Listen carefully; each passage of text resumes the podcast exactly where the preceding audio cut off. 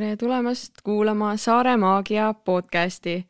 mina olen Liis Järvamägi ja selles saates räägin vahvate Saaremaa inimestega. jagame nende lugusid, et inspireerida saarlasi ennast rohkem meie kogukonda märkama, innustama ja tunnustama. mandrieestlastele pakume võimalust tutvuda Saaremaa olemusega läbi siin askeldavate või siit pärit inimeste lugude selles osas, mida oled kuulama asunud, on meil kaks sporditeemalist inimest, nimelt Oliver Moring ja Aivi Auga. Oliver alustas just sellel aastal Salme ja Torgu spordijuhi tööd ja Aivi on juba pikemat aega, üle mitmekümne aasta juba spordiga seotud olnud ja tal on üle kümne aasta vanune omanimeline spordikool Kuressaares, mille põhitegevuseks on tennis. osas räägib Aivi veel enda erinevatest spordihuvidest, räägib sellest, kuidas lapsi Äh, spordi juurde tänapäeval kutsuda ja kuidas neid seal ka raskematel hetkedel hoida, räägib enda kogemusest spordis ja samamoodi Oliver, tema on hästi kirglik diskgolfi sõber ja ta räägibki enda kogemustest, äh, mida ta täpsemalt teeb ja ka ühest hästi, ühest hästi lahedast äh, hobist seoses diskgolfiga. nii et soovin sulle mõnusat kuulamist. ja üks asi veel, enne kui sa kuulama hakkad, siis kui sulle siin see sisu, see vibe meeldib, mis sa siit kuuled, siis äh, jaga seda ka mõne oma tuttava või sõbraga, et kellele see võiks veel kasuks tulla. ja kui, äh, kui sa leiad, et äh, see info on, info on ka rahalist toetust väärt, siis vaata patreon.com, kaldkriips Saare Maagia ja saad tulla meile seal appi. nimelt selle raha eest me siis hangime täitsa oma tehnika, kuna praegu me salvestame laenatud tehnikaga ja, ja siis me saame samamoodi niimoodi kvaliteetseid osasid teieni tuua ja ka uuel hooajal niisugust äh, armastust jagada. ja kui sul on mingeid küsimusi või äh, tagasisidet, siis otsi meid üles Instagramis Saare Maagia nime alt ja võid ka kirjutada meili saaremaagia.gmail.com on meie aadress. mõnusat kuulamist! kui ma ise kunagi väike poiss olin, siis isa vist kunagi viis mind kergejõustikutrenni ja siis osutas mm -hmm. sinu poole, et kuidagi mingi seos äkki oli lapsepõlves okay. mm. -hmm aga kuidas te muidu äh, praegusel hetkel teate ka või miks sa oskasid Aivit soovitada üldse ka siia saatesse? peamiselt just sellepärast, ma ütleks miks, et siis peamiselt sellepärast, et ma ise olen alles maikuust saati Salme spordijuht ja, ja nii-öelda nagu avaliku spordieluga ei ole varasemalt siin mitu aastat juba praktiliselt üldse seotud olnud et siis äh, ma kardan, mul oleks lihtsalt kogemust väheseks jäänud, et siin üksinda see sisukas podcast äh, purki saada mm. -hmm. ja siis oleks rohkem sinupõhine tulnud, et niisugune nagu muud. ja pluss yeah. ma loodan, et äkki me saame siin nagu tekitada seda võrdlusmomenti, et äh, Aivi pilgu läbi versus minu pilgu läbi võib-olla. jah, nagu me siin rääkisime, et on podcast'i äh, nagu põlvkond ja on raadiopõlvkond, et, et see tõesti on niimoodi et äh, nüüd, kui ma nii palju noh, nii palju, kui ma olen jõudnud teie kohta internetist uurida, ongi siis see, et et tõesti, ai, mul on tõesti niisugune tunne, et see läbi ja lõhki sport, et mis, mis trenni sina kõige esimesena üldse läksid?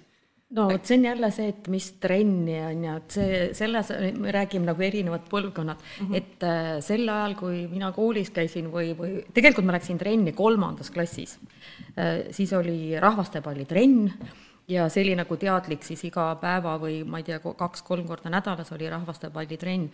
aga noh, seda ei võetud nagu kui trennina, et noh, sel ajal lapsed, äh, okei okay,, see oli pigem võib-olla selline äh, tundide, peale tunde toimus midagi, äh, siis läksid koju, läksid jälle kuskile õue, ühesõnaga kogu aeg oli mingi, mingi liikumine. ja selline teadlik trenn, noh, ma arvan, võib-olla kuues või seitsmes klass oli, läksin siis kergejõustikutrenni.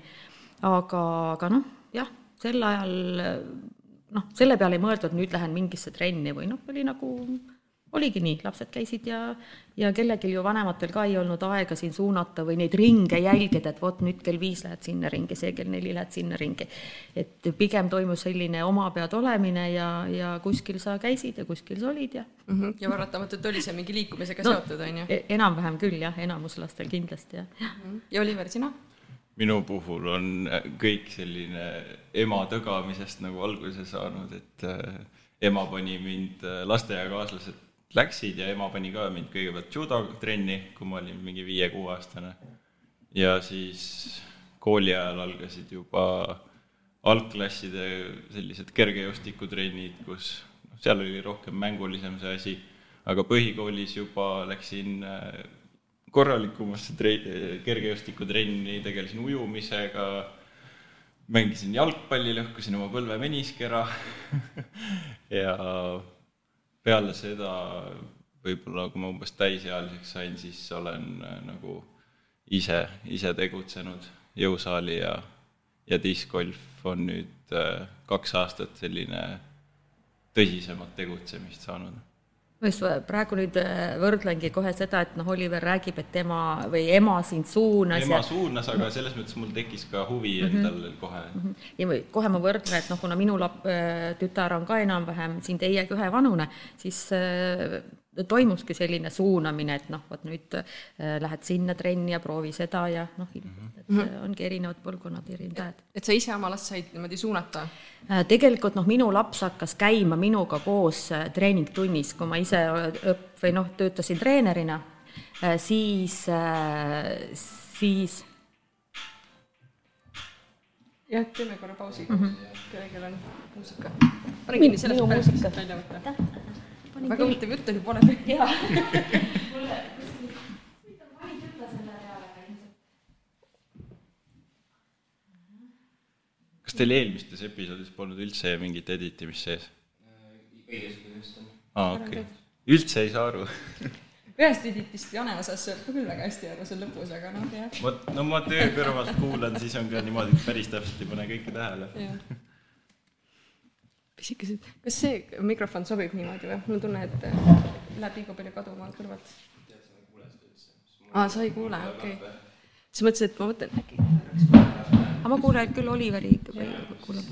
okei okay., sest et nii ongi, okei okay nii, sa ütlesid, et oli suunamine, et sinu jaa, et äh, kui ütleme jah, et oma last, äh, ega tegelikult ma ei suunanudki teda, ta lihtsalt oli mul trennis kaasas, äh, kuna mina ei olnud kodus nii-öelda lubatud kolm aastat, mis vanemal on võimalik kodus olla, et ma ilmselt läksin tööle ma ei tea, võib-olla aasta või poolteist peale lapse sündi ja tegelikult siis minu laps oli mul kogu aeg trennis kaasas et äh, noh, alguses võib-olla seal kuskil nurgas natukene istus või mängis, aga aga, aga tegelikult ta kogu aeg käis, käiski mul kaasas, niikaua kui kooli läks mm. -hmm. see tihti tuleb ju sellest, vaata, kui lapsed näevad, mida vanemad ees teevad ja on nii-öelda paratamatult seal sees, siis kuidagi see pisik nagu äh, tekib. jah aga mm, mis äh, spordialasid sa, Aivi, üldse nagu proovinud kunagi oled, et võid nüüd selle pika nimekirja äh,? ütleme nii, et proovinud noh,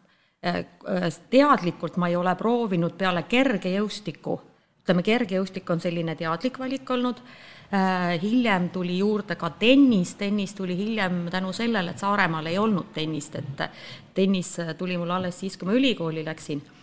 Ja ütleme, need on kaks ala, mida ma olen nagu teadlikult noh, kas siis ise teinud või siis noh, trennis käinud, aga nagu ma ütlen, et eh, noh, kehakultuuri haridusega eh, noh, ma, ma julgen eh, õpetada algtasemel, ma arvan, kõiki spordialasid, välja arvatud võitluskunstid, millest ma ilmselt noh, seal ma, seal ma olen võhik. et aga, aga ma arvan, jalgpall, korvpall, võrkpall, ujumine, et et A ja B ma nendel aladel, nende aladega saaksin ilmselt hakkama mm. -hmm. see tundub tõesti väga mitmekülgne ja hästi niisugune avatud meelega inimene, et et kui kuskile kutsutakse, siis äh, tihti on su vastus ikkagi jaa nagu? Äh, jaa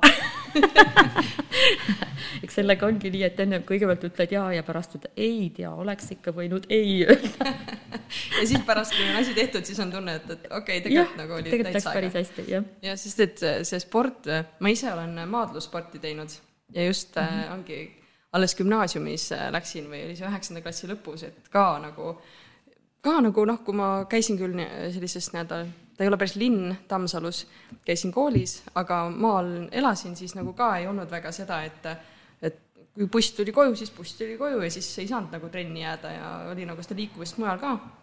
aga see oli päris äge, kuidas äh, nagu see trenn kuidagi oli nagu natuke teistmoodi asi, kui see niisama õues jooksmine või selline, eriti veel nagu gümnasistile, kes enam väga ei jookse õues ka, on ju, mhm. et äh, no tegelikult noh, ütleme jah, mis trenni puhul on noh, jälle ma ei taha, ma kogu aeg nagu hakkan kordama seda, et oli ja oli siis, aga trennis ikkagi sa nagu tahtsid kellegiga ennast võrrelda, seal oli see väike võistlusmoment ja noh, mis lastel ilmselt oli. Äh, kindlasti suurem kui hetkel on see võistlemise tahe ja endale noh, ütleme äh, enda proovile paneku tahe.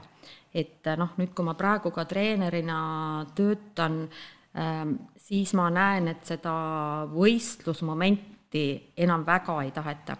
et see lõpeb ära kuskil sellises noh, varajases teismeeas, et algklassid, lastelapsed veel väga hea meelega võistlevad aga juba kui selline kümme, üksteist, kaksteist, vot siis enam ei taheta võistelda.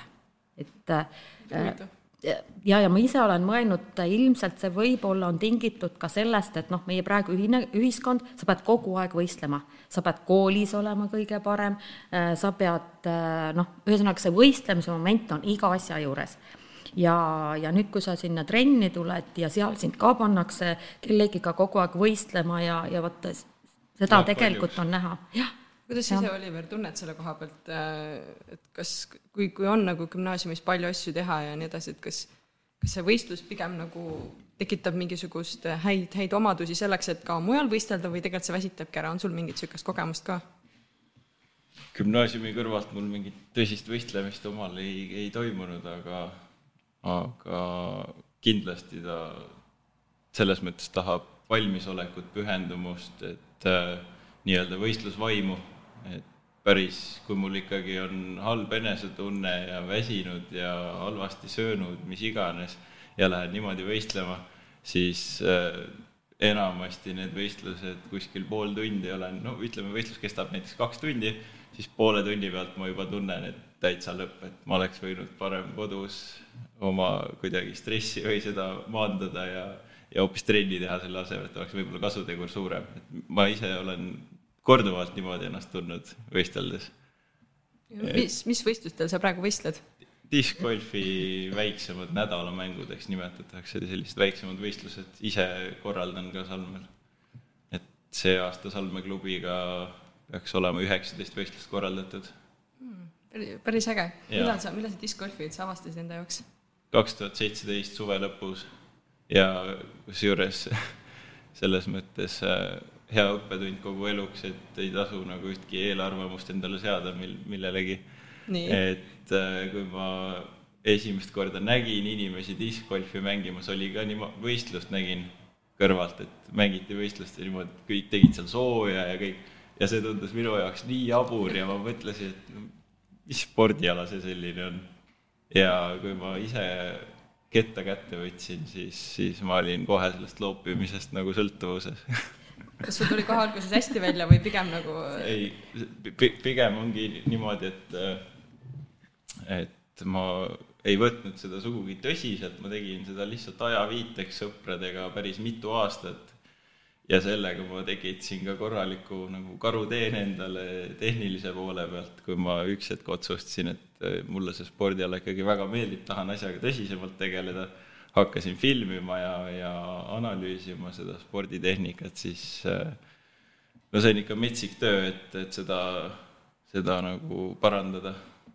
Jah, et see, sellega võin nõustuda, et kui mingisse asja sisse minna, siis, siis või noh, ütleme, et tõesti, nagu sa ütlesid, endale karuteene, et sa läksid liiga süvitsi ja nii-öelda hakkasid, hakkaski väga meeldima ja nüüd on nagu noh, see on nagu mõnes mõttes see kohustus, et ma tean, et ma saan paremaks, ma tean, kuidas ma saan paremaks ja, ja ma tean nagu noh, umbes ka võib-olla veel täpselt, mida, mida täpselt, aga seda ei tea, aga hästi äge, äge teekond.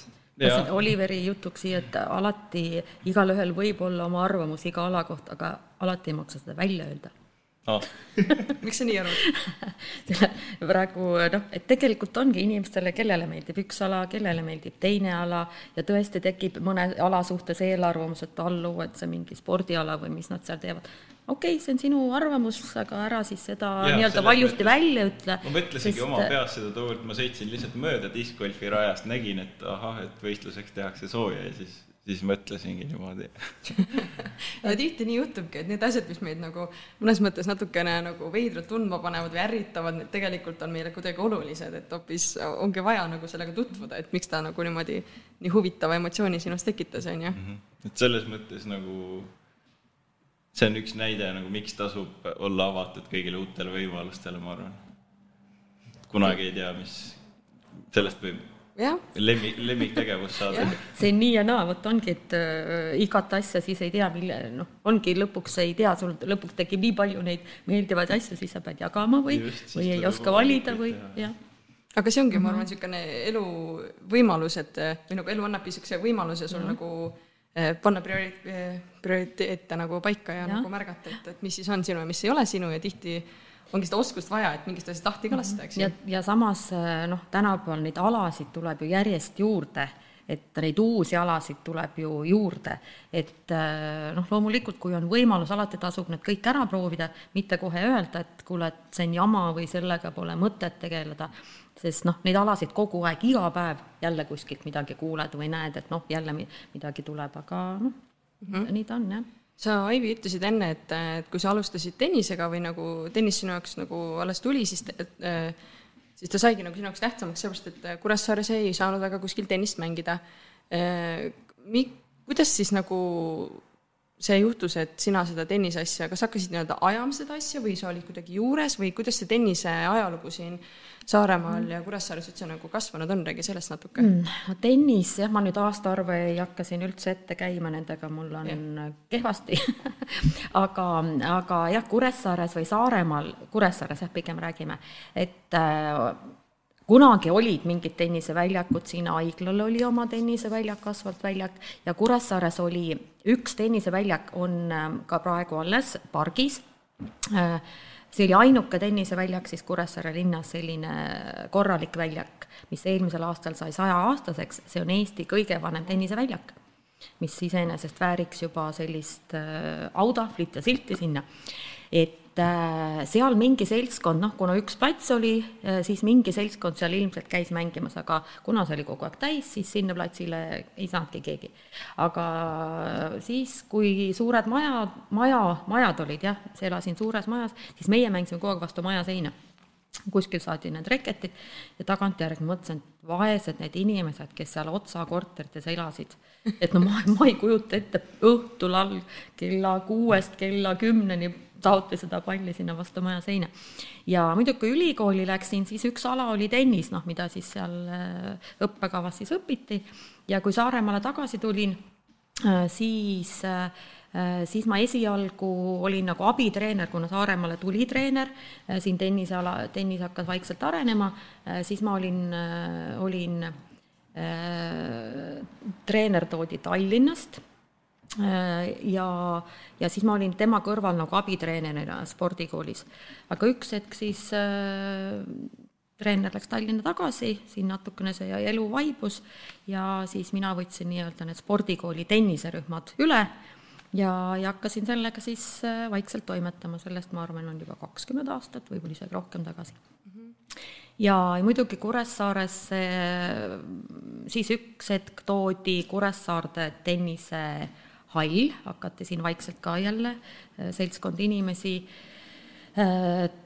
Raimo Kägu oli tol ajal siis Tallinna poolt, kes oli suur ärimees ja Saaremaa väga meeldis ja siis ta organiseeris Kuressaarde kilehalli kus siis hakkas selline kirev tenniselu, elu toimuma. ja, ja nii ta, nii ta on läinud jah, et tegelikult ma olen nagu selle noh, uue ajastu tennise Saaremaale tuleku algusest, sünni juures olnud siis algusest Mhm. peale, jah. väga äge, mis see kilehall tähendab? kilehall See- oligi kile, noh nagu kuppelhall, noh tänapäeval on need jalgpallihallid, on sellised kilehallid okay. nagu täispuhutav hall jaa, kas sellist on praegu ka, pannakse vahel üles? Äh, jalgpallihalle on noh, mandril on muidugi enam noh, tol hetkel olid need äh, kuskilt Saksamaalt toodi vanad hallid ära, pandi siin Eestis üles nagu, nagu see aeg oli. Aga noh, tänapäeval muidugi enam selliseid halle ei ole kuskil üleval jah.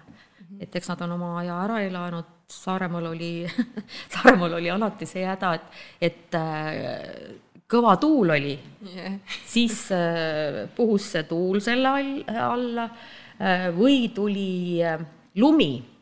Äh,, siis lumi surus ta alla, siis jälle terve see tenniseseltskond, kolmkümmend inimest äh, läksid siis äh, hoogtööpäevakule lund äh, halli pealt ära lükkama, et jälle saaks üles ajada, nii et noh, tol ajal oli jah, selline seltskondlik tenniselu hästi aktiivne, tehti kõiki asju ja jaanipäevad ja nii edasi aga inimesi on ikka olnud, et seda ei oleks, et, et sport sellepärast ära jääks või keegi ei ajaks, et inimesi ei ole, kes teha tahavad või?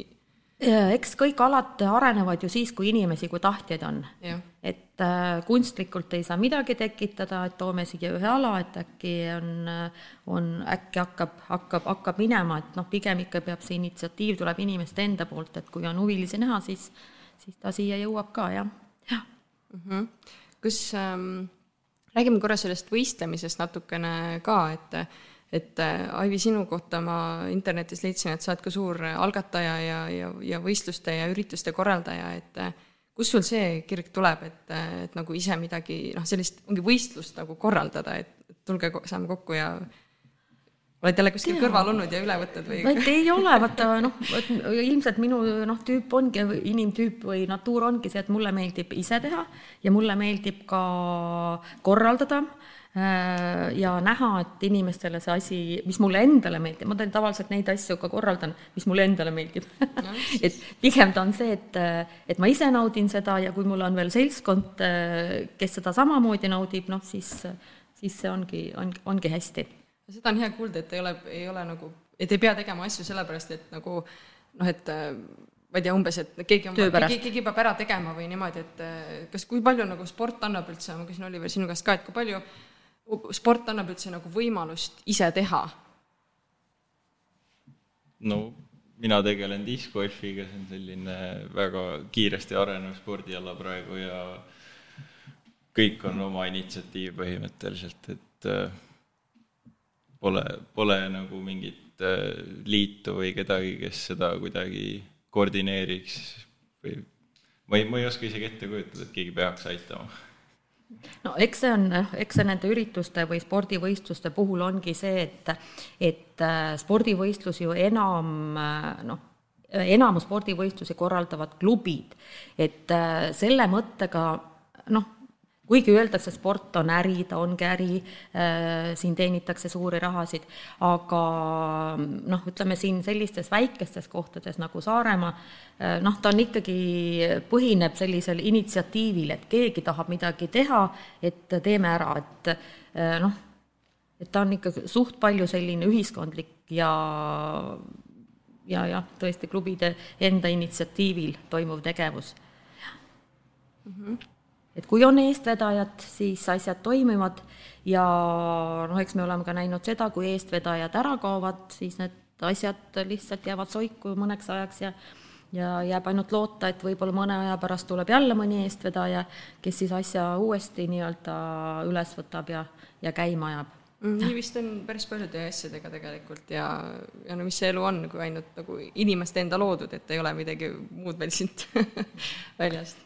et see ongi seesama, et kunstlikult sa ei saa midagi tekitada, et noh, meil praegu ju noh, ma ei hakka siin alasid nimetama, mis Saaremaa mõistes on olnud äh, üks hetk äh, võib-olla väga väga kõrgel tasemel ja harrastajaid palju, aga tänaseks päevaks on nad praktiliselt hääbunud, sest eestvedajaid ei ole, äh, noortele enam äh, kõik alad nii atraktiivsed ei ole, tulevad uued alad ja midagi ei ole teha, et see ongi see on, ongi see nii-öelda elukäik, et ühed, ühed nii-öelda surevad, teised, teised tulevad, et noh, nii ta kahjuks on. jah, sest et päris palju ongi uusi spordialasid ongi nüüd ju just need, mida noored üle võtavad, ongi see diskgolf ja muud asjad, et ega selles midagi halba ei ole, et nad enam väga mingeid muid asju ei tee, mis vanasti olid, et et jaa, aga Oliver, räägi korra natuke sellest ka, et ähm, et äh, sa tegeled diskgolfiga mm -hmm. ja sa ütlesid, et see on kiiresti arenev ala, et mm -hmm. kuidas sa iseloomustaksid inimesele, kes kes nagu ei saa üldse aru, et kuidas diskgolf on nagu spordiala või nagu üldsegi nagu ähm, mis seal siis areneda on, et jah, et viskad ju seda ketast sinna korvi sisse, et mis seal siis areneda on, et räägi natukene sellest täpsemalt. diskgolf on jah, arenev spordiala on ta selle poolest, et äh, kõik ka profisportlased äh, treenivad ja töötavad peamiselt omaette, et ei ole treenereid, ei ole nagu sellist äh, koordineeritud tegevust, et ja ta selles mõttes, asi muidugi liigub selles suunas, et USA-s profid ise treenivad ja USA on üldsegi nagu Euroopast, noh, see on kuidas keegi ütleb, kas viis aastat ees või isegi rohkem, et Euroopa, Euroopa on nagu USA pealt seda mängu mängima hakanud, aga saaksid sa korra küsimust korrata? et ongi, et kirjelda, mis see, mis see diskgolf nagu spordialana üldse on, et, et kui, et kui ta on nagu niisugune võib-olla meelelahutus, siis kuidas see näiteks see võistlemine käib? Ja, ja just jah, ja siis ta on selles mõttes ta on loogika poolest sama nagu golf, et eesmärk on võimalikult väheste visete arvuga ketast korvi saada. ja siis nimetatakse viskealast, nimetatakse tiialadeks, tiiala pealt algab vise kuni siis korvini. Äh,, nagu golfiski täispargiks nimetatakse siis kaheksateist korviilist või golfis kaheksateist augulist äh, parki. Ja võidab see, kes läbib selle pargi vähima visete arvuga. Ja see on ikka paras katsumus, et äh, korve kahe-kolme viskega läbida. Ehk siis see, see asi, mida seal treenida, ongi kõik see füüsiline tugevus, et kuidas, äh, kui, kui, kui, kui täpselt sa oskad visata, eks ju, mis seal mm -hmm. veel on nagu mingid asjad, mida nagu sa siis vaatad sealt video pealt ja mõtled, ahaa, seda võiks paremini ja? ta on, äh, ta on nagu biomehaanika poolest väga keeruline spordiala, et see sporditehnika omandamine diskgolfis, noh, omandamine siis nii-öelda nagu sellisele väga optimaalsele tasemele, eh, kus siis jõu, jõuülekanne algab jalgadest, mitte käest põhimõtteliselt. et see on see, mis teeb asja keeruliseks, et kõik algajad, no praktiliselt võib öelda, kõik algajad hakkavad lihtsalt käega ketast viskama. ülakehaga, eks ju. ja ülakehaga ja maast ei saa nagu mitte midagi sinna viskesse sisse ja see on metsik töö, et saada rotatsioon pluss siis veel äh, selline, kuidas seda nimetatakse, nagu horisontaalne liikumine, nagu see jõud niimoodi rakendada korraga sinna viskesse ja et see ajastus ja kõik toimiks efektiivselt, see on ikka metsik töö. Ja ma arvan, et kui spordiala areneb ja, ja tulevikus äh, muutub nagu inimestele või noh, et muutub, muutub tavalisemaks, rohkemad inimesed teavad sellest alast, siis, äh, siis ma arvan, et hakatakse ka avalikult sellest äh, tehnika poolest rohkem rääkima, et praegu üks selline nagu äh, vale arusaam või nagu valeinfo levitamine, et discgolf on selline spordiala, kus äh, sobib nagu kõigile, et oo, vigastusi midagi ei teki, et tegelikkuses võib ikka väga kergesti omal küünarnukki vigastada või natukene üle pingutada ja, ja just nimelt ainult käega visata. Ja siit ma võib-olla loen selle vastuse ka välja, et kuidas ta areneb, ongi täpselt see, et, et kui praegu tehakse omaette ja, ja mõnes mõttes alles luuakse seda tehnikat ka, mida nagu õpetada, siis, siis ta arenebki sinnapoole, et varsti just. ongi laagrid ja treenerid ja siuksed asjad, eks ju. minu see, nagu ma ütlesin, et ma kaks tuhat kakskümmend aasta alguses äh, oligi talvel, kui ma otsustasin, et äh, ma tahan selle asjaga tõsisemalt tegeleda et siis äh, see, mis nüüd kahe aasta jooksul internetis need põhimõtted selle tehnika kohta ja arusaamad, et see on tegelikult isegi viimase kahe aasta jooksul päris palju muutunud, aga ta on, see muutus on nagu väga positiivne olnud, et nüüd hakkab mingi terviklik pilt välja joonistuma ja on, on nagu algajale ka suhteliselt kättesaadav see informatsioon. kui varem oli selles mõttes tõesti niimoodi, et noh, mingid X-soovitused, mis tegelikkuses käisid nagu kuidagi niimoodi inimeselt inimesele kellegi enda arusaama. ja seal umbes. oli nagu vasturääkivusi erinevate ja. soovituste vahel ja nii edasi, et kui ei ole, kui ei ole nagu, nagu teistel spordialadel tehakse ju teadustöid, et vaadatakse täpselt, kuidas, kuidas kõige efektiivsem on, eks ju, on palju uuringuid tehtud niimoodi, et diskgolfis lihtsalt see, see ongi see, kuidas see spordiala areneb, et jah aga siin peab ütlema, et kuule, et see ei ole discgolfi reklaam podcast aga nii, just nimelt nii huvitav on kuulda, ma arvan, et see on ka üks oluline samm selleks, et, et jah, et discgolf ka nagu saaks inimestele spordialaks, sest ta on mõnus, mõnus hobi ja minu meelest neid äh, äh, discgolfi radasid on Eestis küll nagu seeni pärast vihma praegu mm, -hmm. et äh, kuidas sa ise, anna nüüd mõni soovitus, kus kohas Saaremaal saab discgolfi mängida?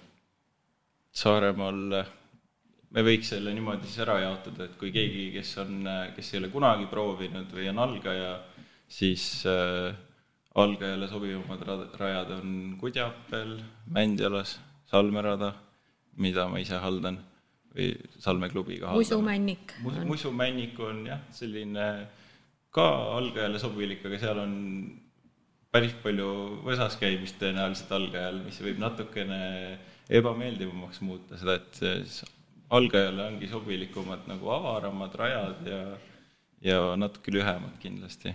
aga edasijõudnule on Saaremaal Karujärve ja Pöide on põhirajad, et Karujärve, järvel on isegi eri raskusastmetega asetused tehtud mm. -hmm.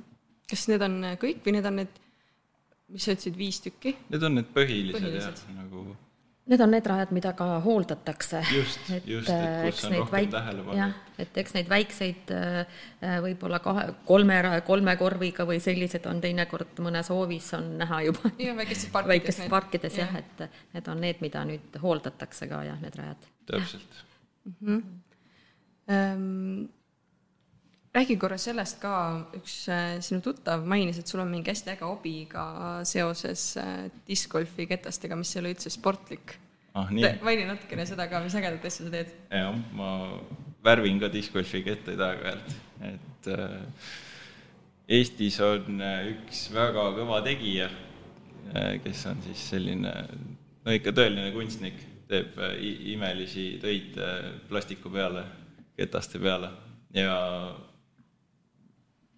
need lähevad oksjonil päris kalli hinnaga ja, ja siis ma vaatasin, et ma tahaks ka omale nii ägedaid selliseid nagu erikettaid, et äh, mismoodi ma saaks. pean ise tegema.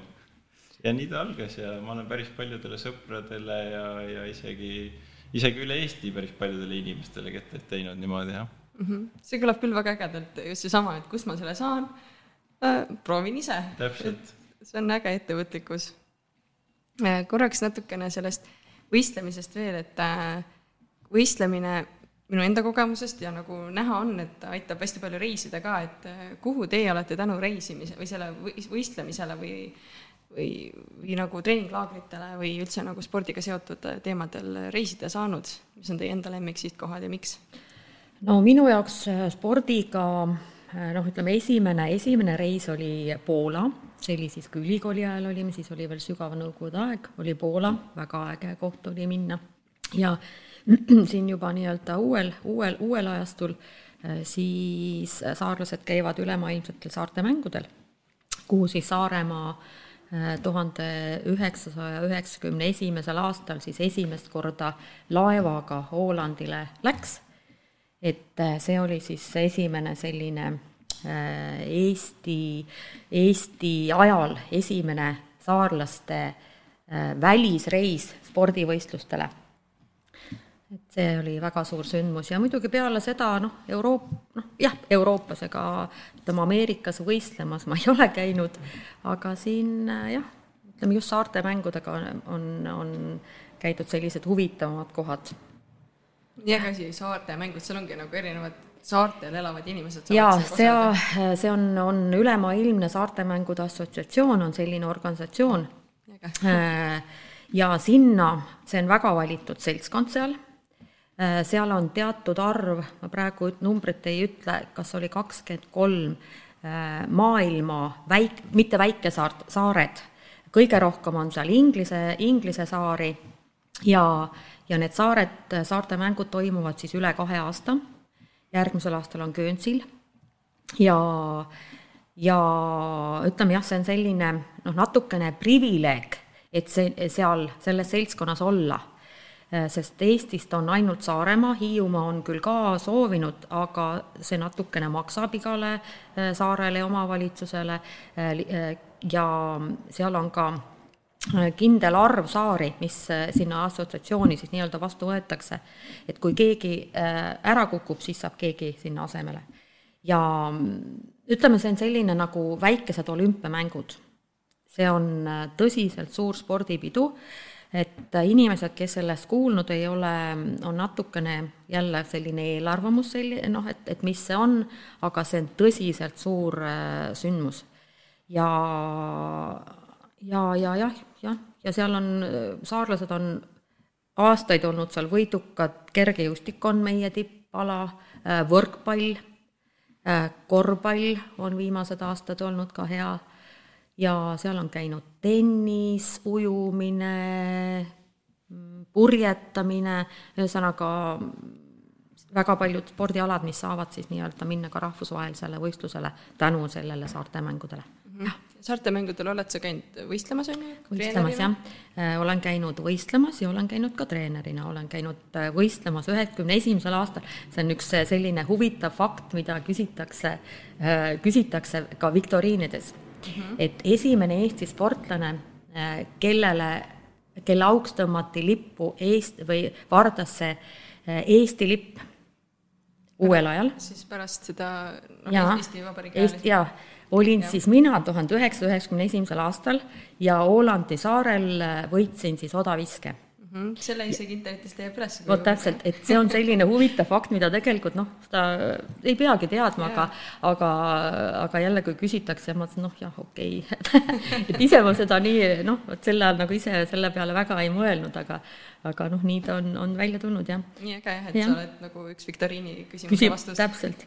jah, ja siis äh, kergejõustikus äh, olen paar korda käinud ja tennises ka siis äh, võistelnud ja olnud ka treenerina, jah mm. -hmm ja Oliver, kus, kas sa oled ka jõudnud äh, väljamaale või? ma ei ole välismaale jõudnud, aga ma olen käinud Rakveres kergejõustikuvõistlustel ja see suvi sul on veel kõik ees. just, kõik on ees. mul on väga palju, väga palju veel avastamisruumi mm -hmm. selle koha pealt. no discgolfis ju Ameerika on siis avastamata, on ju? jaa, kindlasti. on sul soov ka minna kunagi? absoluutselt. seda ma olen kuulnud siin discgolfi noh, nii-öelda nended, kes teevad, et jah, et Ameerika on ikka see ja, ja nii edasi, et et Albert Tammega oli äh, nagu mingi aeg võimalus vestelda nendel teemadel, et siis tema ütles ka, et ikka USA on see koht, kus käia ja mm, just. see on see sü-, sünnimaa, et siis äh, tahaks näha, kuidas seal see asi jah, ilmselt toimub, sest et seal on, on ju väga, väga hästi arenenud. nagu ma, nagu ma enne mainisin, et, et hinnanguliselt vähemalt viis aastat ees Euroopast mm. -hmm. Mm -hmm. ja tuleme siis natukene siis äh, tagasi ka siia saare peale, et mis, mis te siis praegusel hetkel siin teete, et Äh, Oliver, nagu sa ütlesid, sa oled nüüd siin kevadest olnud äh, spordijuht, mida see tähendab, mis see, mis sa teed spordijuhina siis seal Torgu ja Salme piirkonnas? põhitöö on äh, piirkonnamängudele inimeste korraldamine olnud, et äh, erinevad, erinevad spordi, piirkonnamängud on meil siin Saaremaal siis selline traditsioon, kus äh, toimub nagu meie varasemate väikevaldade nagu piirkondade põhjal äh, selline võistlus, kus aasta lõpuks saab teha kokkuvõtte, et äh, mis piirkonnas siis kõige kõvemad tulemused äh, kokkuvõttes tulid. järgmisest aastast vist lõpevad ära meil kahjuks piirkonnamängud, eks näis, mis siis edasi saab, aga see on põhiline spordijuhi ülesanne mul siiani olnud. ja sellele lisaks ma korraldasin see aasta jaanipäeval korraldasin lõbusaid sportmänge tegime saapaviset, köievedu, palliämbrisse viset, sellist asja. ja siis, siis me taaselustasime siin just uue traditsiooni köievedu. ajalooliselt oli köievedu äh, Nasva jõel, et me tegime seda nüüd siis Salme jõel, järgmine aasta on plaanis Nasval korraldada. igasugu selliste pisemate üritustega nagu olen korraldusmeeskonnas, abitiimis äh, võistlustele helistangi läbi inimesi, küsin soovitusi, keda kutsuda, et äh, väga palju on uusi tutvusi tekkinud see aasta, et äh, ma väga hindan seda just tutvuste koha pealt eriti. ja sport annab palju tutvusi ja, ja mulle nagu on küll jäänud äh, arusaam, et tihti spordiinimesed ja need, kes korraldavad, ongi niisugused avatud meelega ja hästi nagu toredad inimesed, kellega elus üldse nagu asju ajada kuidas, kuidas siiamaani tundnud on, et kas see on õige valik? jaa, absoluutselt, et äh, siinkohal tuleks võib-olla ära mainida, et see on null koma kakskümmend viis kohaga töö, et äh, ta ei ole ikkagi nagu esmaspäevast reedeni, ta on pigem see, et on vaja lisategevust ja ja oma vabast ajast tegeleda spordijuhi kohustustega mm. -hmm. et ma siia Oliveri jutule natukene noh, ütleme lihtsalt täpsustuseks võib-olla, kui mõni inimene kuuleb, et et mis need piirkonnamängud on ja mis need spordijuhid üldse on, et et siin äh, nüüd, äh, kui tekkis see uus suur vald, et äh, siis et noh, kuidas piirkondadesse seda spordi tegemist ja liikumist siis noh, nii et noh, Kuressaares kindlasti kõik asjad on, on ju, aga kuidas siis nendes maapiirkondades siis sportlikku tegevust äh, siis natukene e-, e-, elavdada. ja siis sai, sai äh, sai otsustatud või mõeldud, et igas piirkonnas, no mitte igas piirkonnas, meil on äh, siin suuremad-väiksemad, et oleks siis oma ka spordijuht nii-öelda, kes siis natukene seda piirkonda siis sealt tagant utsitaks ja, ja sportlikku tegevust siis koha peal, koha peal natukese eest veaks.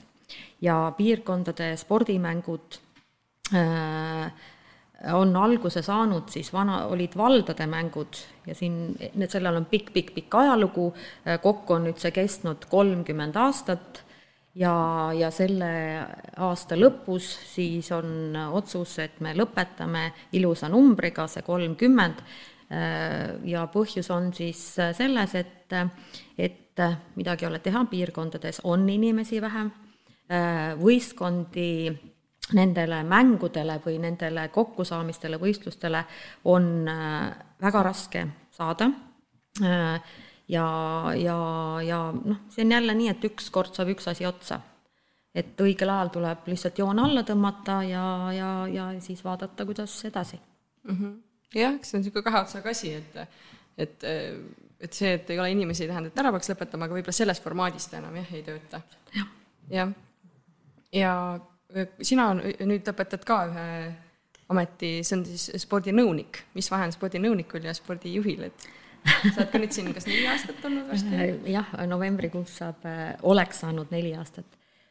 noh, ütleme, vahe on öö ja päev spordinõuniku noh, ütleme nimi on atraktiivne ja noh, mida see spordinõunik teeb, et noh, esimene mõte on see, et oh, küll ta kindlasti organiseerib võistlusi, ajab võistkondi kokku, noh, ühesõnaga, et ta on selline organisaator, eestvedaja ja nii edasi. aga tegelikult see üldse mitte nii ei ole. ikkagi valla, valla spordinõunik üles, tööülesanded on, on esma, esmajärjekorras vaadata, kuhu see Saaremaa sport üldse läheb, äh, mis suunas, äh, suunas teda nii-öelda natukene suunata ja, ja ütleme, suurem maht tööst on ikka bürokraatia, paberid, paberid ja nii edasi. et äh, see ei ole nagu väga selline noh, et nüüd hurraa, et nüüd saab midagi teha, et, et asjad võtavad kaua aega ja noh jah, nõu-, nõunik kõlab jah niimoodi natuke, et ta ongi selline nagu see, kes teab asjast ja siis ta nagu juhendab teisi või nagu umbes juhib seda laeva niimoodi siit ülevalt, mitte ei lähe nagu alla juhend-. no eks ta tegelikult võiks olla nimi, nimi, ütleme, see tegevus ja nimi kahjuks ei lähe väga kokku mm. ja eks siin ka on kindlasti omad põhjused, jah aga, aga kuidas ise näed, kas äh, ikkagi omavalitsusel ole, on vaja niisugust spordinõunikku, kes on nagu spordis sees ja oskab nagu siis äh, selle omavalitsuse juhtimise juures ka öelda sõna sekka, et hei, et tegelikult päriselus hoopis on nii? Äh, kindlasti on vaja ja ma sooviks, et seda nõunikku lihtsalt rohkem kaasatakse, et tema võib-olla arvamust või otsust rohkem kuulatakse, aga noh, meil noh, jah, see ei ole mitte ainult meie omavalitsus, et eks see on, on, on kindlasti suurem teema, et, et spetsialiste võib-olla liiga vähe kaasatakse või, või nende arvamust kuulatakse. jah. jah, eks ta ole niimoodi, et, et, et noh, ei saa nagu millegi üle nuriseda, et kõik läheb nii hästi, kui ta minema peab, eks ju natukene ma tahaks ka puudutada ka seda laste teemat, et mul õde on äh, Äh, kehalise kasvatuse õpetaja ja siis ma küsisingi tema käest, et mida võiks küsida või mil-, milliseid teemasid võiks siis spordiinimestega nagu arutada, et millest oleks ka nagu abi täitsa tavalistele inimestele nagu, kes ei tegele spordiga, kes võib-olla pole lapsigi või, või näiteks neil on lapsed. et ähm, räägi korra alguseks ise, kuidas sa ise näed nagu seda, et ähm, kui sa ütlesid, et varem oli nii, et lapsed niikuinii käisid kuskil, jooksid, olid ei suunatud, aga nad olid seal, siis kuidas tänapäeval on äh, laste, laste nagu sellise huviharidusega, et äh, mis sinu kogemus praegusel hetkel on, et? ütlemegi noh, mis Saaremaa vallas on tegelikult huvihariduse võimalused väga-väga suured ja, ja väga head. et ähm, noh, ma ütlen, et mida meil ei ole, balletiringi meil ei ole, tegelikult on juba Orissaares isegi juba balletiga tehakse. et, ähm, et tegelikult meil see alade valik on ikka äärmiselt suur. et noh, siin ei saa nüüd küll öelda keegi, et kuule, et, äh, et seda ei ole võimalik teha või seda ei ole võimalik teha. et äh, et ma arvan, et huvihariduse võimalus, võimalused on head ja ka, ja sporditingimused on head, et noh, pigem, pigem ma ütlen, et meil on selle poolega küll hästi Saaremaal. igal et... juhul on head, et ma lisaks siia võib-olla, et eh, kui on veel oma, natukenegi seda oma tahet sealjuures, näiteks mina läksin eh, gümnaasiumis mul oli paar aastat seal vahet jäänud ujumisest, aga ma läksin gümnaasiumist tagasi ujumistrenni niimoodi, et ma läksin lihtsalt äh, lastegrupi treeningu ajal sain käia ja ujuda. Muidu ei olnud gümnasistidel eraldi seda võimalust, aga läksin, küsisin ja sain. jah, et nüüd aasta jooksul uuesti alustada tahtsid, on ju? jah mm okei okay., ja kui vanade lastega sina, Aivi, tegeled oma spordikoolis? minul on alandus, alates kuuendast eluaastast et kes siis kas lasteaia viimane rühm või kooli esimene klass, et äh, siis sealt, sealt alates mm -hmm. ja kuni gümnaasiumi lõpuni välja. mis äh, spordialasid teie spordikool õpetab? Äh, minul on praegu tennis, tennis on nagu põhiala, aga on ka kergejõustikuala, kergejõustikus mul on mõni selline era, eratreenija, kes käib eraldi, aga põhi, põhirühmad on siis tennises, jah. Mhm. kus te põhiliselt trenni teete? meil on tennisehall Kuressaares kolm siseväljakut, mõnus, hubane, kõik võimalused, tingimused olemas, nii et äh, kolm väljakut äh, õhtusel ajal muidugi kipub äh, ruumi väheks jääma, et lapsed alustavad ju ikka tavaliselt kõik kella kolmest-neljast, siis on, siis on, siis on soovijaid kindlasti rohkem kui võimalusi, aga muidugi, kui tege-, kuna tegemist on erahalliga, siis loomulikult omanik peab ka vaatama, kuidas oma kulude ja tuludega nii-öelda balanssi saada, et et kahjuks praegu jah, seda neljandat platsi sinna juurde ilmselt veel ei tule. ja nüüd ähm, võtakski selle spordi kui üldse niisuguse natukene laiema teema, et kui te vaatate ennast, mida üldiselt on sport teile lisaks füüsilisele nagu pingutusele, füüsilisele kasule andnud noh, üks on see reisimise võimalus, aga mis ta on nagu teile inimesena andnud? Oliver näiteks, ma ei tea, mis, mis on sport sulle, miks sa teed sporti lisaks füüsilisele kasule? Mulle lihtsalt nii väga meeldib teha. Et minul on küll, ma, ma sain sellest, ma sain sellest aru, ma olin vist neljandas klassis äkki, neljanda-viienda klassi vahel oli suvepuhkus. Ja, ja siis, siis ma olin hakanud hiljuti jalgpalli mängima.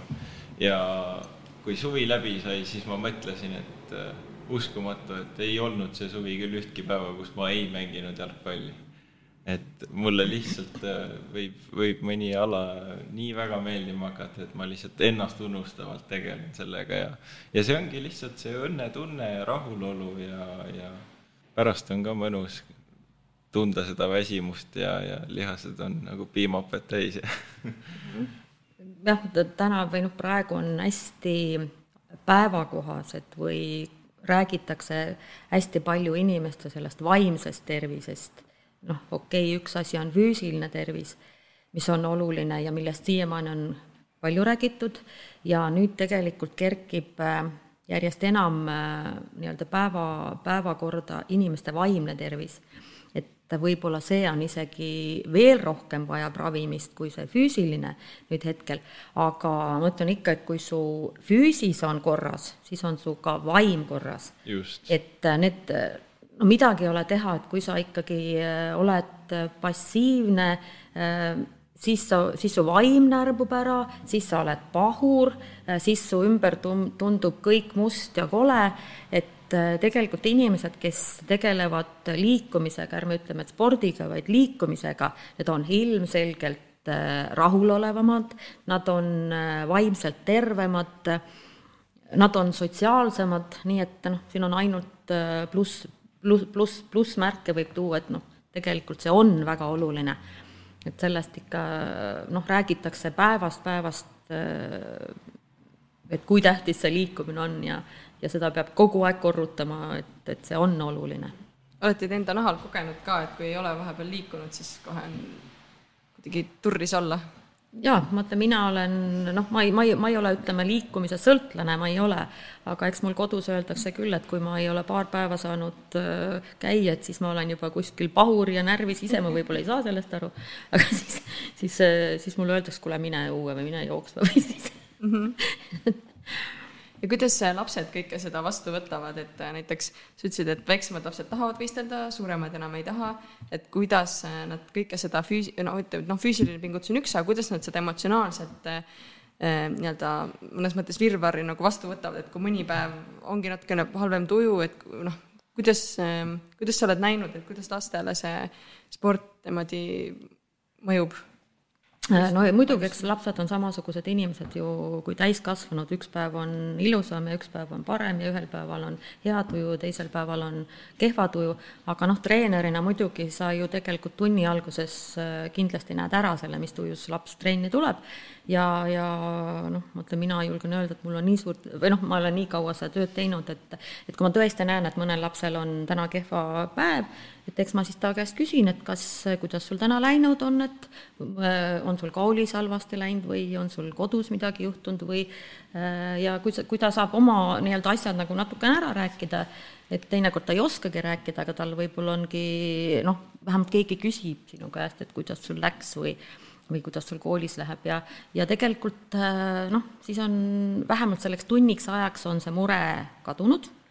Äh, ta teeb kindlasti asjad kaasa ja, ja ma usun, et võib-olla noh, teinekord on nii, et tunni lõpus ta ei mäletagi enam, mis seal alguses oli, et jah, tihti nii on, ma ise olen ka niimoodi trenni läinud, et mõtlen, issand jumal, et miks ma siin olen ja miks ja aga pärast kui ära teha, siis tegelikult on ikka hea ja isegi kui on ikka halb, siis vähemalt mõtled, vähemalt ma ei istunud kodus mm. -hmm. et noh, mis ma ütleme noh, mida siin soovitada täiskasvanutele või lastevanematele, et äh, tegelikult ikkagi kõik see liikumine saab alguse kodust et äh, me ei saa kõiki asju jätta kooli peale või, või treeneri peale või veel kellegi kolmanda isiku peale, et tegelikult äh, noh, hakkab kõik kodust, et kui need vanemad, noh, ei ole ju, ei ole ju mingi, äh, mingi uudis, et kui need ikkagi vanemad kodus istuvad, ega siis laps ka ju kodust üksinda välja ei lähe, tänapäeval seda enam veel, et suurtes linnades sind ei lastagi üksinda välja, siin võib-olla meie, meil veel lähed lähed, lähed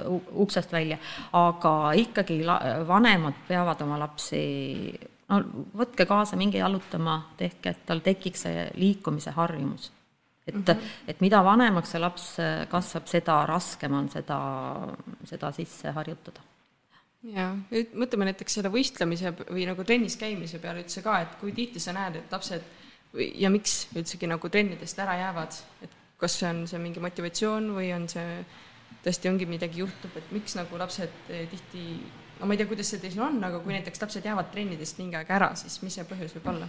Äh, põhjus on erinevaid, vaata, mul on jälle, mul on õnneks olnud äh,, mul on vedanud, mul on äh, väga vähe lapsi, kes aasta jooksul langevad ära ja see on tegelikult ka täiesti arusaadav, et mõnel lapsele lihtsalt ei meeldi, noh, talle ei sobi see, et tuleb ja proovib, aga, ja, ja kõik, kõigil ei sobigi kõik asjad ja, ja ta läheb, proovib midagi, midagi muud, täiesti normaalne.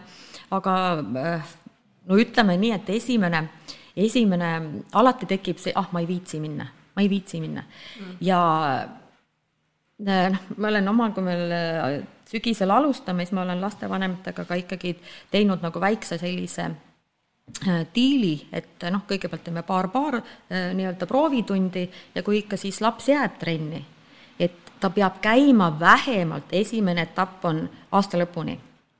ja kui ta juba aasta lõpuni käib, siis järgmine etapp peab vähemalt käima selle äh, kooliaasta lõpuni, sest me teame ise, üks päev ma, ma ei viitsi minna, no lihtsalt ei viitsi, noh. ja, ja kui see vanem annab ka juba järgi iga kord, okei okay,, ta ei räägigi lapsega, miks see laps ei viitsi minna, räägi temaga tegelikult ei ole pointi, ta lihtsalt ei viitsi.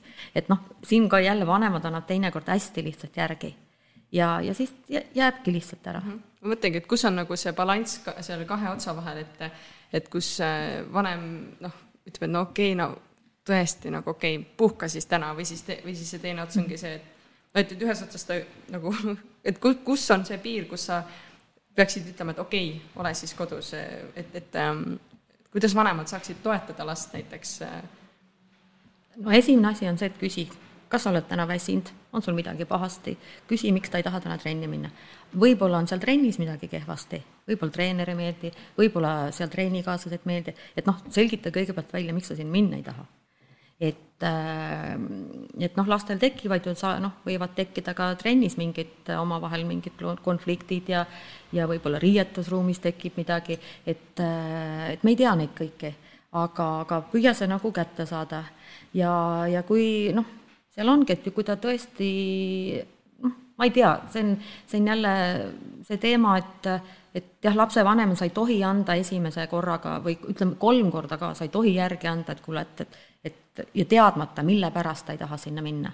et noh, ikkagi tuleb see põhjus mm, -hmm. põhjus ja kui sul ei ole, noh, sa võid alati ju, võid ju ka lapsevanemana helista treenerile, küsi, et kuidas lapsel läheb. jah, et see suhtlus on hästi-hästi oluline, tuleb ja, ikka välja, et lapsel lapsevanemaga, lapsel treeneriga, treeneril lapsevanemaga. Et see on, ma arvan, see on väga-väga oluline jah, et kui mäletan, kui ma olen ise mänginud esimesest kuni kaheteistkümnenda klassini kannelt Rahvakapellis ja mingi aeg oli see, kus kõik läksid ära, nagu mingi puberteediiga seal mingi äkki kaheksas klass, kõik millegipärast enam ei, enam ei olnud see lahe, mina nagu, tegelikult mulle meeldis, aga ka nagu mingi selline nagu mhm, kambavaim. just nimelt sotsiaalne asi oli ja mäletan ka, et küsiti, et miks sa tahad ära minna ja ma ei teadnud, sest et see põhiline asi oli see, et teised ei, ei mm -hmm. taha, ma ise tegelikult tahaks mängida küll. Ja siis oligi mega raske käia niimoodi, et, et ma ei saanud mängida seal, kus ma käisin koolis, vaid ma pidin teisse kohta sõitma ja see oli nagu ebamugav, aga ma olin ülitänulik, et ma sain pärast mängida, et ma nagu seda järjekindlust püüdsin.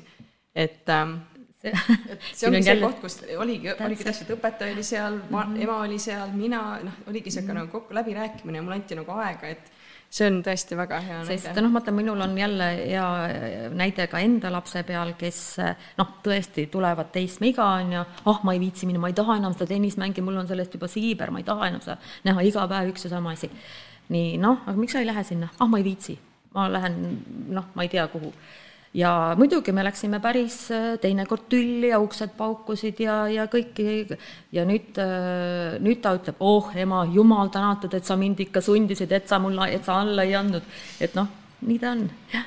et me ise ei tea ju, mida me ei tea ja lapsed mm -hmm. tihti nagu ka ei oska valida, et nagu lapsed, ma isegi ei mäleta, millal, mäletan ka, ka sama kande mängimise näide, et mul ema ütles, et ma küsisin, miks sa, miks mina, miks nagu mina ei läinud mängima, kui teised klassikaaslased läksid mm. -hmm siis ta ütles, et aga sa ütlesid, et sa ei taha minna. millal, ma ei mäleta, et ma oleks öelnud, et ma ei taha minna, et tõesti, me ei mäletagi, millal me nagu seda tegime. aga kui näiteks ongi nagu ikkagi on, vahel on keeruline seda last sinna trenni noh, nii-öelda, kui tal kaob see motivatsioon ära, et aga miks ikkagi nagu võiks lapsed teha trenni hästi, hästi lihtne küsimus, hästi nagu obvious küsimus, me oleme juba sellele vastanud ka, aga no nagu, tänapäeval on ju see asi, et ta saaks korra sellest, äh, sellest telefonist ja arvutist ja saaks ta tunniks ajaks selle tagant välja. et noh, see, see on praegu minu arust vist esimene number, miks seda last peab kuskile, kuskile välja, välja kodust, kodust saama ja olgu ta siis liikumine või kunstiring või, või, või, või mis veel muu. aga noh, sealt, sealt kõik edasi, kui noh, kui ikka tervis on kehva, siis sa koolis edasi ei jõua, siis tekivad seal muud probleemid, siis tekivad juba sul sõpradega võib-olla seal mingid teemad, et noh, tegelikult see liikumine ja see, see noh, ta on, lastel on ju ka tegelikult hästi sotsiaalne tegevus. Et jälle noh, ma ütlen, et mul on nii palju näiteid, aga üks kõige kurvem näide mul noh, viimasel ajal on see, kui üks poiss ütleb, et noh, koolivaheaeg oli ja tuli trenni, silmad olid punased, mõtlesin, et huvitav, et, et kas sa ei ole maganud või on sul midagi kehvasti, et oled sa nutnud. ei, ta istus arvutis, vaheaeg, istub arvutis, ema ei saanud tööl, et äh, ta suhtleb arvutis sõpradega, aga mõtlesin, et aga mine välja, kutsu need sõbrad, et aa, tal ei, tal ei ole ühtegi sõpra, tal ei ole ühtegi sõpra. ma ütlesin, kus su sõbrad on? sõbrad on kõik arvutis. ma ütlesin, helista sõbrale, kutsu välja, sul on vaheaeg praegu Kuressaare linn, minge välja kokku. nii kaugel? ma ütlesin, kui kaugel? Kaks kilomeetrit ja, ja see on see lühikese vahemaa ja siis ma mõtlesin küll, okei okay,, et äh, ja, ja no see, see tund-, noh, ütlen, minule tundub see hästi naljakas, et, et sõbrad ongi kõik arvutis ja, ja sa ei lähegi enam sõbraga õue mängima või kokku saama, et et ikkagi vähemalt see tund aega, mis ta trennis on, ta suhtleb mm. -hmm. Seda mul õde nagu mainis ka, et, et tema on ka märganud, et see on lastele hästi selline koostööd arendav asi ja, ja tihti nagu noh, kuidagi me oleme niisugust individualistideks natukene muutunud, et igaüks peab oma eest seisma, et aga sport aitab võib-olla koos teha, et mina ise olen märganud, et ma ei ole väga suur äh, nagu meeskonna mängude fänn ja see, tulles tagasi selle teema juurde, et kui sulle mingi ala ei meeldi, siis tõesti ei tasu seda nagu kaagutada, sest et et kunagi sa ei tea, mis nagu noh, mis sa kaagutad sellest, on ju, et ei ole nagu mõtet, et aga aga jah, et, et lihtsalt ma ei ole võib-olla ennast veel nende pallimängudega leidnud ja nagu niisugust tiimitööd ei ole väga suurelt see õpetanud, aga ma näen, et see õpetab väga, väga palju tegelikult. et no pallimängud on ka erinevad, noh, ütleme diskgolf, tennis, golf, noh, need on väga individuaalsed alad yeah et seal sa ikka sõbraga koos eriti suurt midagi teha ei saa. aga, aga ikkagi see kooskäimine ja noh, laste puhul eriti ju seal need äh, noh, trennis tehtavad mängud ja seal on ikkagi vaja, vaja meeskonnatööd ja sul on vaja nii-öelda äh, teistega arvestada ja see on mõned, mõned küsimused veel siia lõppu, et me oleme nii vahvalt juba vestelnud ja ma arvan, et, et see on niimoodi mõnusalt läinud. et öeldakse, et äh, ole see muutus, mida sa maailmas näha tahad et millist muutust teie siis äh, maailmas näha tahate ja kuidas te seda loote, Oliver? mina ütlen kohe ära, et ma ütlen, et inimesed, liikuge, minge välja, äh, elu tundub palju ilusam. et meile, meie ümber on hästi palju praegu, noh, on rasked ajad äh, ja ega me sellest üle ega ümber nagunii ei saa mm, -hmm. aga, aga liikuge ja ma ütlen, et tegelikult paljud mured lahenevad iseendast mm. -hmm. naeratage rohkem. tule, see tulebki siis, kui nagu, sa liigud ja, ja siin nagu püüda, püüda kogu aeg kõike optimistlikult näha ja kuidagi, ma arvan, see on minu see vaatevinkel, et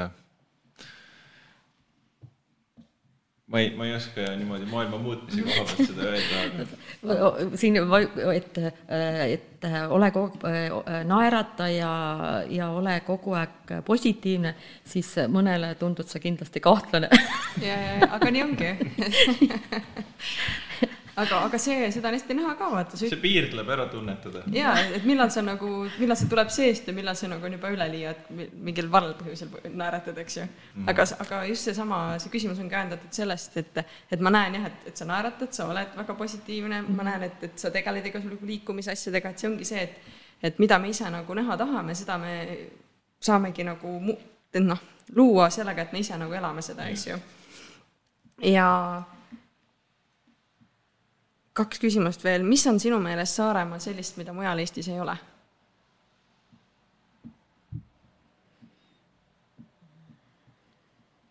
Saaremaal on kindlasti teistsugused inimesed. Saaremaal mm, noh, see on tingitud sellest, et on väike kogukond. sõber on ikka sõber. mida suurem on keskkond, kus sa elad, seda, seda nii-öelda äh, õrne või noh, ühesõnaga sõprussidemed on kindlasti noh, kuidas nüüd öelda, noh, nad ei ole nii tugevad, et teistsugused, teistsugused jah ähm,. et jah, ma arvan, et inimesed on, on teistsugused, äh, noh, sellest ei saa mööda, mööda jah, et mm. -hmm. ma arvan ka, et Saaremaal nagu inimesed teevad päris palju koostööd omavahel. aga, aga samas nagu võib-olla ma ei oska niimoodi hinnata, kui tõele see vastab, aga võib-olla nagu saarlastel on võib-olla natuke rahulikum kuidagi see rütm ja kõik, et siin saare peal kuidagi ja üks asi, üks asi mul tuli veel, et saar, saarlastel on ka eluterve huumorimeel mm.. Et et ma arvan, et Saaremaal võid äh, äh, praktiliselt kõikide asjade üle nalja visata, et vähemalt saarlane saab sellest aru äh,. võib-olla mandriinimene alati ei saa võtab natukene aega. võtab natukene aega, jah ja üks niisugune mm,, võib-olla see on sarnane küsimus, võib-olla see on teistsugune, aga põhiasi, et kuna meie saate nimi on Saare maagia, siis mis on teie meelest just see Saare maagia? Noh, maagia see ongi nagu maag-, maagia, et tegelikult me ei tea, mis asi see maagia on. aga üks on, ükskõik, kus sa lähed või oled, et millegipärast sa ikkagi tunned, et sa tahad siia tagasi tulla.